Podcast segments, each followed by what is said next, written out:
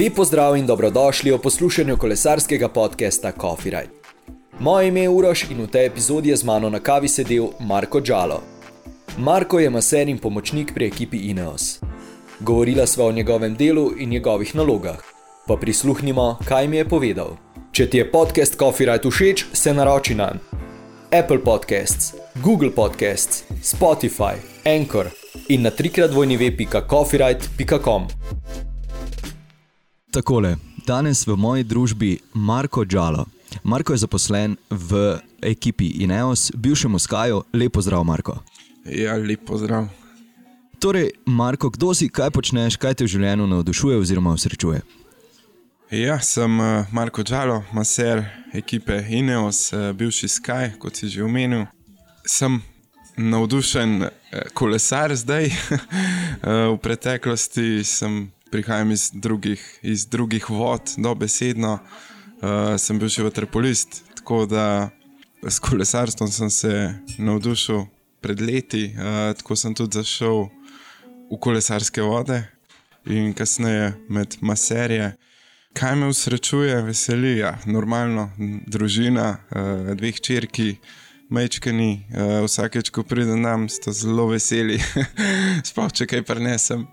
Tako da, ja, to bi bilo to. To bi bilo na kratko. To. Vrhunsko, super. Glede na to, da snemamo podcast Coffee Ride, kakšno kavico rad piješ, ravno kar si naredil požirek? ja, um, odvisno od dneva in pa priložnosti. Zdaj na dirkah, na samih dirkah, um, odvisno od hotela do hotela, smo odvisni od hotelske kave, sploh če nimamo kamiona z, um, z kuhinjo sabo drugače skočim na kamion in si naredim podaljšano kavo, drugače pa ja, črno. Espresso, podaljšano ali pa kar amerikano. Super, super. Se tudi ti strinjaš eh, z mano in Klemnom, da v Franciji ni najboljše izbrati lokala za pitje kave? Uf, ja, se strinjam. Ja. Kako je s tem v Španiji, sedaj si se ravno vrnil iz Velte, eh, imajo tam boljšo kavo? Odvisno od lokacije. Če so bolj skomercializirani kraji, potem ja, je kava dobra, drugače pa bi se raje izogibal. Šel raje v Italijo na kavu. Raje v Italijo šel, ok. okay. Torej, sezona je zelo, zelo naporna. Kako se ti pripraviš na vse dneve, ko si na poti, oziroma kako se spočiješ med samimi tekmami? Ja, pred družino, oziroma pred hčerkama, sem zmer govoril, da pridem domov, da se spočijem zdaj grem pa na dirko, da se spočijem, ker je doma na polno. ja, normalno, težko se je stoprocentno spočiti, sploh med samo sezono, ker vem, prideš domov za 3-4 dni, takrat uh, vzamem črke iz vrca in pač ni časa za počivanje, ker je skozi akcija. Drugače pa ja, med samo dirko, v bistvu en nasvet, ki sem ga prejel od enega prvih športnih direktorjev v Protoru, rekel: izkoristi trenutke, ko nimaš nič za delati, izkoristi za počitek, ker na dolgi rok se ti bo poznal. In ja, probam čim bolj upoštevati ta nasvet, seveda, ko se da, da teh priložnosti ni veliko, ampak ko so, jih izkoristim. Zelo dober nasvet. Ja.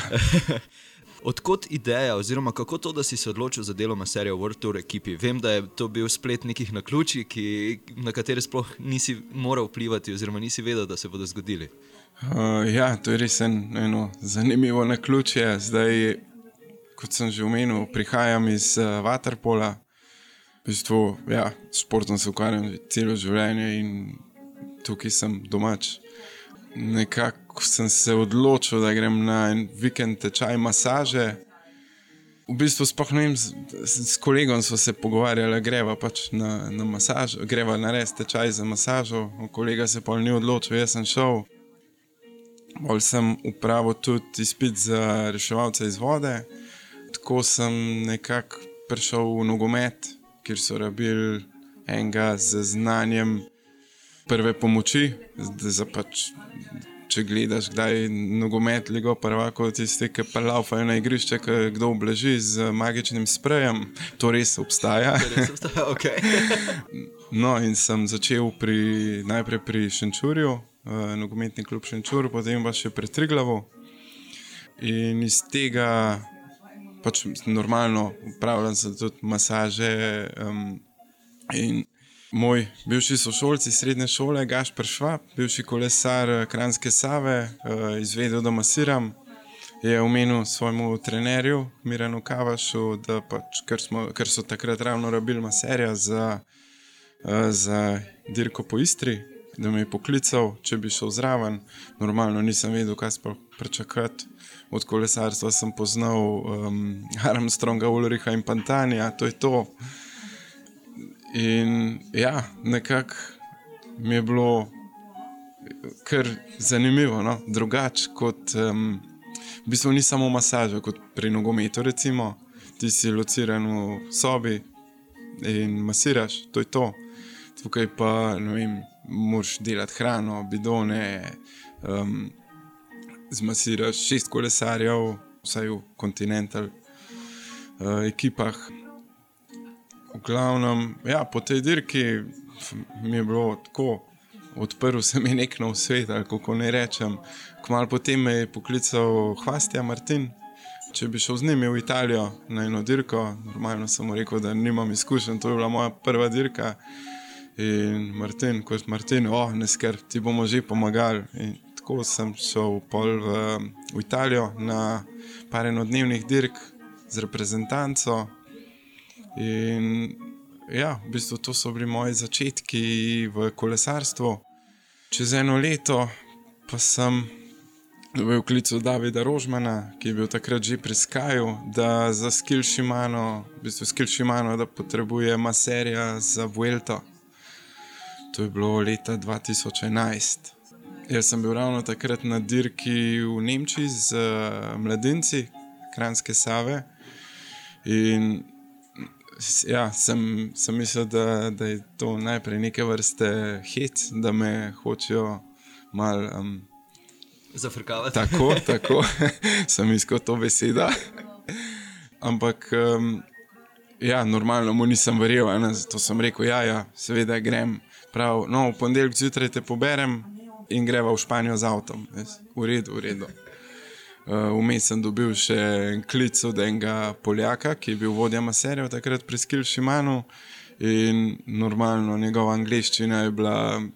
How do you do? I'm six o'clock, se pravi, ne prav dobro. In normalno sem še bolj verjel, da, da me hočejo zafrkavati.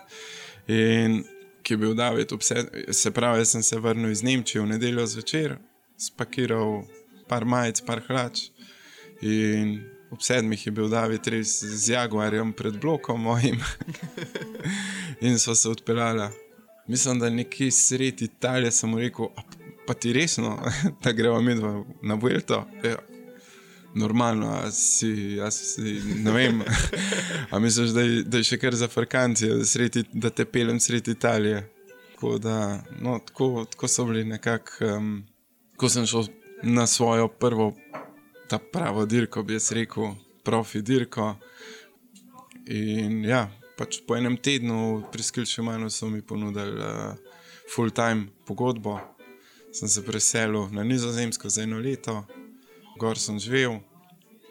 In sred sezone sem se pa zmenil še za ekipo Sky, tako da 2013 uh, sem se pridružil Britancem. Super, super. Prej si že na začetku omenil, da si sedaj tudi sam navdušen kolesar. E, torej, kje kolesariš, kako kolesariš, v bistvu, glede na tvoj delovnik, koliko časa ti sploh ostane za kolesarjenje? Oh, med, samim, ja, med samim dirkam je zelo težko. Recimo lani sem na, na Tenerifih, na, na višinskih pripravah, sem naredil kar nekaj kilometrov, drugače pa med samim dirkam pa pač ni časa doma, se pravi, z dvema z majhnima punčkama, uh, je bilo kar težko, sicer zdaj sta obe dve v, v vrtu in je malo lažje. Tako da ta teden sem že kar nekaj prekolesaril. Oh, super, um, drugače pa ja, največkrat, največkrat doma. No. Domači krogi, domače gore, domače ceste. Veliko krat uh, maserije to omenijo, povedo, kakorkoli. Torej, si tudi nekaj malega psihologa, moraš imeti tudi eh, nekaj teh spretnosti med tem, ko eh, masiraš kolesarje oziroma skrbiš za njih. Ja, uh, sej, smo neke vrste psihologi. Um, na masažni mizi izveš marsikaj, od težav doma do tega, kdaj bo kdo kiro zaročil, pa tako naprej, do same dirke. Včasih se tudi sploh ne pogovarjamo od same dirke. Ja, je kar no, um, moramo kar biti um, psihologi, znati svetovati, znati tudi vedeti, kdaj biti tiho med samo masažo, kdaj kolesar res potrebuje samo počitek. In mislim, da z leti dobiš izkušnje, veš, kdaj, pa tudi kolesarje spoznaš, normalno, spoh, če delaš z nekom več let ga že poznaš skoraj boljš kot svojo ženo. Se preživimo ja, veliko več časa z njimi kot doma. E, so kolesari načeloma zelo zahtevni ali je to odvisno od vsakega posameznika? So zahtevni takrat, ko morajo biti. Se pravi, nekako se od. Ne vem, kako naj sploh to razložim. Od nas se pričakuje pač določen del mi moramo pač omogočiti kolesarjem, da, da mislijo samo na kolesarjenje, vse ostalo pravimo mi. In zdaj, normalno so kašni kolesari, mi pravimo komplikatori, ki vem, za vsako stvar bi radi kaj drugače ali pa kaj boljš. Takih, seveda, ni veliko. Letos smo imeli, mislim, imamo še vedno enega kolesarja, ki je za vsako stvar kompliciral da, in je hotel biti mal drugačen od vseh ostalih. No, na koncu ga že sami ostali kolesari ga že toliko začnejo zafrkavati, da se umiri. Ja, drugače pa bi rekel, da imamo kar v redu ekipo in ni, ni nekih komplikatorjev oziroma zahtevnežev. Super. Vem, da je to dokaj splošno vprašanje, ampak vseeno, kako, kako poteka tvoj delovnik, v bistvu, kako je sestavljen? Eh, zdaj, recimo, da, da poskusiva urisati. Eh... Ja, delovnik od jutra do večera. do večera okay. uh, se pravi, zjutraj um, bom kar upisal delovnik med samo Vuelto, zdaj, od dirke do dirke je mečken drugačen, ampak načeloma je kar enak. Um, Zjutraj ja, uh, zajtrk, ponavadi nekje dve uri pa pol pred odhodom na dirko. Se pravi, če gremo 9:30, je to, preračunajte, 7 zjutraj zajtrk, pol urce, oziroma 20 minut za zajtrk, odvisno od hotela. Ponavadi v Franciji uh, ni nekih velikih zajtrkov, v Španiji spet odvisno. Po zajtrku ima vsak svoje naloge, nekateri bidone, neki hrano, drugi hotel in vsak pač opravi svoje. Zdaj sem bil recimo na avtobusu, uh, sem mogel pripraviti avtobus, prav vse so pijačo, hrano prenesti na avtobus, ki so jo naredili kolegi, preštimati uh, recoveryje, preštimati vse za cilj, potem, ko je vse upravljeno.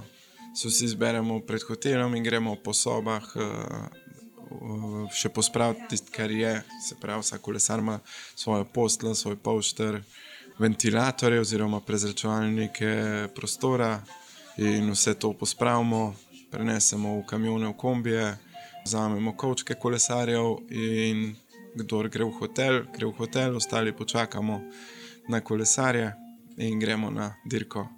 Med samo dirko, se pravi, na avtobusu sem se pelil od štarta do cilja, tam počakal kolesarje, potem pa od iz cilja v sam hotel, v hotelu normalno masaža.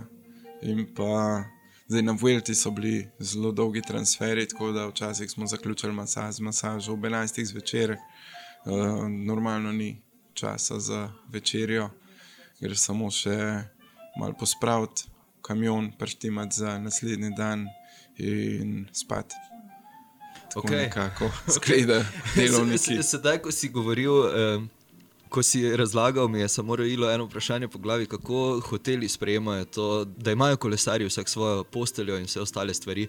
Je to velik logistični zalogaj? Ali, eh... Ja, za, mislim, za sam hotel. Večinoma smo probajo organizatori uporabljati tiste hotele skozi leta.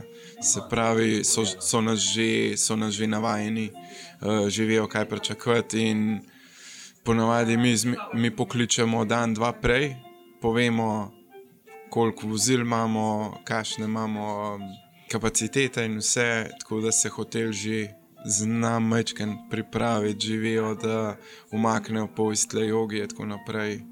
Živijo, da morajo biti sobe kolesarjev obrnjene stran od ceste, od samega parkirišča, zato da jih ne moti hrup, uh, drugače pa to nam vzame še dodatno uro, da vse sobe prerihtamo. Spada to v tiste tako imenovane marginal gains, da, da, da so sobe obrnjene stran od ceste, ali je to zahteva sedaj skoraj vseh eh, ekip? Ja, mislim, to je neka splošna logika, Splošno, okay. da pač probaš tako. Pri nas res dajemo poudarek na teh, kot si omenil, marginal gains, te mehke stvari, ki se stavijo celoten mozaik. Ki se na koncu tako, izkažejo za veliko. Tako, zdaj veliko ljudi ne verjame v to, um, ampak šele ko vidiš, kako to deluje, uh, začneš verjeti. Jaz tudi, recimo, ko sem bil pri Skill Shimano, oziroma kasneje Argo Shimano, se spomnim, da so bili vsi na trenažerjih po etapi in vsi so se jim smejali. Oh, poglej, spinning class, pa ne vem, kaj vse so, so jih zmerjali.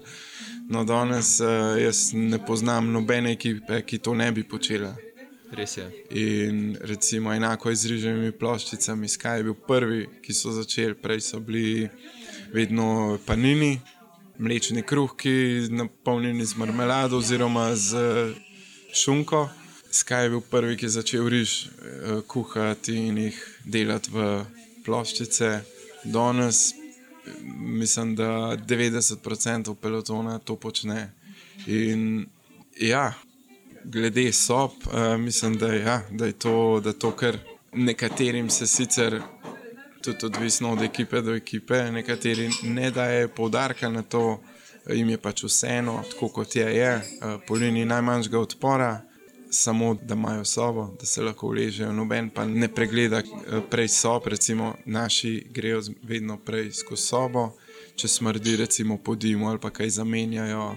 Vem, ker nikoli ne veš, kdo je bil prej v sobi. Vem, se spomnim na nekem turu, pridemo se v sobo, od, je bila ravno od Ričija Porta. Uh, No, to je eden komplikatorjev. in sigurno, mislim, noben mu ne bi bilo všeč, je imel polno mravelj v sobi. In ko je rekel v hotelu, da, da so mravlje v sobi, normalno so takoj zamenjali sobo, sobo zaprli, dezinficirali, reči normalno dobil novo, da se ni pritožil, ampak. Um, Ja, pač neka, neka splošna logika. Vem, ali pa letos na Vuelti smo bili nasproti železniške postaje in vsakeč, ki je vlak prišel, je potrobo. Normalno so bili kolesari na drugi strani in pa personal na strani vlaka, zato da se naspijo. v bistvu si super že to razložil. Pa bom dal eno pod vprašanje, kaj je recimo po tvoje tista največja razlika med vami in ostalimi ekipami? Sicer je zdaj to že bilo kar dobro zajeto, ampak mogoče še kakšna malenkost, eh, ki je res tista, da vas loči od vseh drugih, poleg vseh teh. Ja, ta marginal gains, mislim, da je to kar velik, oziroma največji plus naše ekipe. Se res držimo tega in pač v vsaki stvari. Eh, recimo primer, kako so to s treningi naredili. Najeli so par strokovnjakov, kar se tiče treningov, razdelili segmente, po ne vem, ogrevanje, efforts, um, oziroma intervali, ohlajanje. In za vsako stvar so razdelili na, ne vem, kako naj sploh to, na mikro detajle ali kako koli se temu reče. In poizkušali različne stvari, da bi bili boljši. Recimo pri nas, pri maserih, ne vem, vsako leto se je eh, mogoče zgledamo smešno ali pa karkoli. Vsako leto menjamo te uh, jopiče na ukrepnih. Prej smo bili vedno v barvah ekipe, tako kot ostale ekipe to počnejo, ker smo bili prej modri. Astana je bila modra, Quickstep je bil moder in še par ekip. Kolesari te težko vidijo, pa 40-50 na uro. Zato smo rekli, zakaj pa ne bi bili rumeni, svetleči. Teh res ni. Ja, ja teh res ni. In smo probali z rumenimi opiči, in je bil, seveda, je bil efekt veliko boljši. No. Kolesari te vidijo že na kilometr, prej že točno vidijo, kje si, ker izstopaš izmed, izmed, izmed množice. Ja, ja, izmed množice s tisto rumeno. Potem smo probavali, ne vem, če bi zastavam, da bi zastavo postavili zraven. Sicer, ko, kot sem rekel, zgledamo smešno, ampak ne vem, mogoče, je pa efektivno. Je ne? pa efektivno. Uh, sicer se to ni obnesel, ker je bilo to, mislim, da 25 km z težjo in z vsem. In zdaj, če moraš hoditi kam 200-300 metrov z njimi 25 km, plus vsemi bidoni, vsemi vrečkami, ni ravno prijetno. Prijetno, ja, ni ravno dobro. Tako da smo, smo pol. Um, Zastave ukinili. Mogoče bomo pa zdaj probali s kakšnim lučkom ali pa kaj, ne vemo. Pač ja, stalno, stalno nekaj, um, nekaj probavamo, recimo za, za rižove ploščice. Smo naredili standardne mere, ker prej smo rezali z nožem in je bilo vse tako pač na palc. In ene so bile, ne vem, 5 cm, ene 2 cm, in je bilo vse različno in normalno. Vsaka ploščica ima, recimo, vem, 150 gramov hidratov, pač določene nutricionistične vrednosti. In zdaj, če je ena ploščica 3 cm, ima normalno drugačne vrednosti kot tista, ki jih ima 5. In ker smo res, um, naš nutricionist je razdelil po metodi teh marginal gains, uh, je razdelil prehrano do potankosti. Smo mogli imeti točno določene velikosti z različnimi okusi, tako da smo naredili rezalnike. In zdaj zadnje čase opažam, da imajo že druge ekipe, rezalnike. Ja, pač, eh, normalno, če nekaj deluje, drugi kopirajo. Tako da moramo Absolut. biti zmeraj korak pred vsemi in ja, probavati nove stvari. Super. Prej smo že to oba omenila, oziroma predvsem ti. Kaj bi recimo se spomnil, tako kar iz glave, da bi bila najhujša željivka ali pa morda pohvala, ki si jo prejel, ko je bil kolesar slabe ali dobre volje? Ja, nek, nekako z leti se dobiš debelo kožo, ali kako pravijo, da te take žaljivke, oziroma žaljivk niti, niti ni, no. ampak pač ko kolesar, prekolesar čez črto, pri 200 pulza, ga vsaka malenkost ga zmoti. Ga, mi pravimo, da, da se pokaže šimpanz oziroma čimp. Aha, okay. Takrat pravimo, da je kolesar a bit čimpi, mečken šimpanza, stal kako naj to prevedem.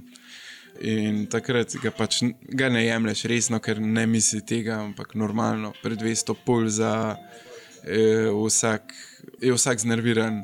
Bi tudi mi dva bila najbolj. Tako, ja, bi bil vsak. In teh željivk, mislim, se pravi, željivk niti ni toliko. Ja. ja, in se jih niti ne spomnim, zdaj največja, največja taka napaka, oziroma da sem, da sem res uh, par kolesarjev v slabo voljo spravil, je bilo uh, na je bilo 2012 na Vuelti, Zargo Šimano mislim, da so imeli 210 km etapo, naš hotel je bil 7 km od cilja in so rekli, da moram s kolesom po kolesarje. Normalno si poti za nazaj nisem zapomnil in na mestu 7 km smo naredili še 30 ekstra pri 40 stopinjah. Imel sem tri flaške vode, še ker so mi vse ostalo že popili. Uh, normalno niso bili najbolj zadovoljni. uh, sicer smo se dva dni kasneje temu sam še smejal. Ampak uh, ja, ni bilo, ni bilo, ni bilo najbolj prijetno. cool. okay, letos ste šli skozi spremembo imena, se je še morda kaj drugega spremenilo, poleg tega, da ste se iz Kaja preimenovali v Ineos, ali je samo to? V bistvu samo zamenjali smo samo ime, barvo oblačil, z temno modre na temno rdečo. To je pa to, vse ostalo je ostalo isto, personal isti, kolesari isti. To, da- to vidimo, ja. Ja, ja. to vidimo. Nič kaj, nič kaj večjih sprememb. Ričija Porto si prej omenil, je še kdo tak, ki bi ga označil za najbolj temperamentnega? Pa mor- morda ni v, v vaši ekipi, no? pa, pa veš za. Uh, ja, en takih je bil, smo ga klicali Čivava, Pit Kenok.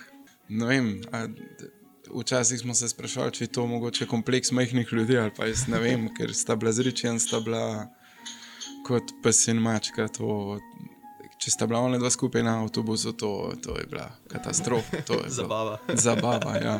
To je bilo stalno nekaj, eno, neko pritoževanje. ali Pa, reči se spomnim, je vsake pet minut nekoga odpustil. Ampak to je, bil, to je po moje samo uh, pač tako, ko se na štiri oči z njim pogovarjaš, sta čisto v redu, oba dva. In recimo še en um, temperamenten je bil Bradley Wiggins. Sem On- si kar mislil. Ja. Ja, je, je poseben karakter.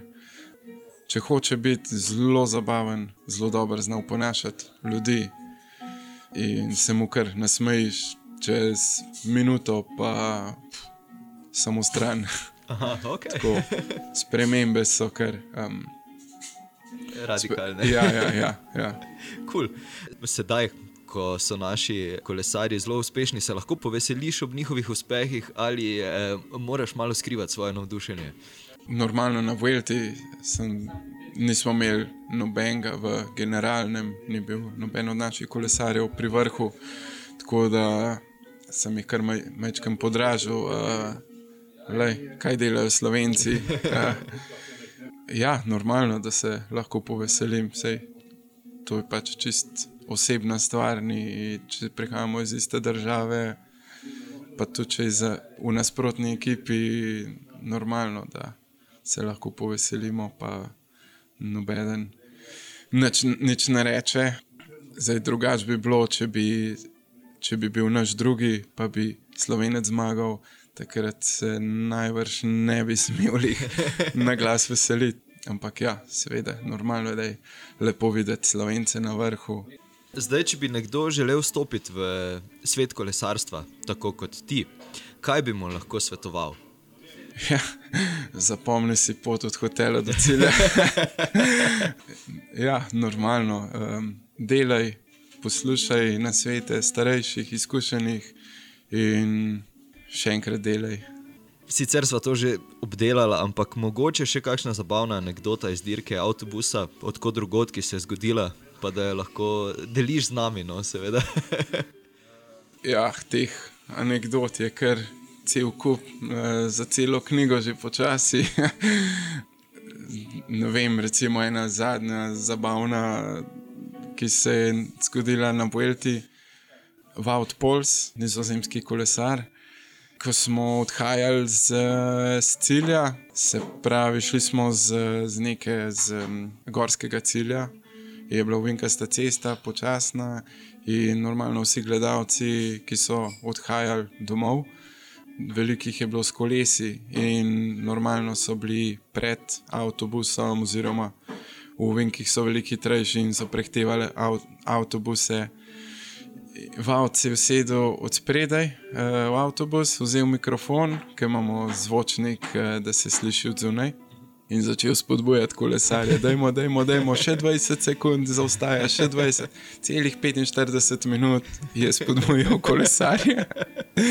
Tako da smo se mu nasmejali, cel avtobus se je smejal 45 minut, ki je imel take komentarje. Vrhunsko. Uh, ja, um, no, sej, mu je eden od kolesarjev rekel, a ne bi ti raš malo več pustil na, gor, na, na, na kolesu. Se bo to tudi jaz, se bo to tudi jaz ravno kar komentirati, da bo še očitno ostalo veliko energije. Ja, ja. Ja. Ok, sva pri koncu najnega snemanja, pa je to eno vprašanje, ki ga postavim vsakomur. Torej, povedal si že, da si sedaj navdušen kolesar. Kaj, kaj je tvoj ultimativni coffee ride, torej trasa, ki si jo prevozil, si si jo zapomnil, pa bi jo še kadarkoli, ker ti je ostala tako v spominu, tako všeč? Zdaj, tukaj v domačih krajih imam ponovadi ta coffee ride, je v bistvu vsakeč je coffee ride, ker se vedno ustavimo na kavi, še na koncu, ampak najbolj taka znana je zbilski krok, do jezera zbilje, kava, domov, to imam eno uro kolesarjenja, eno uro kave. Vrhunsko. Super. Še mogoče kak na svet, kakšna misel za konec, za naše poslušalce?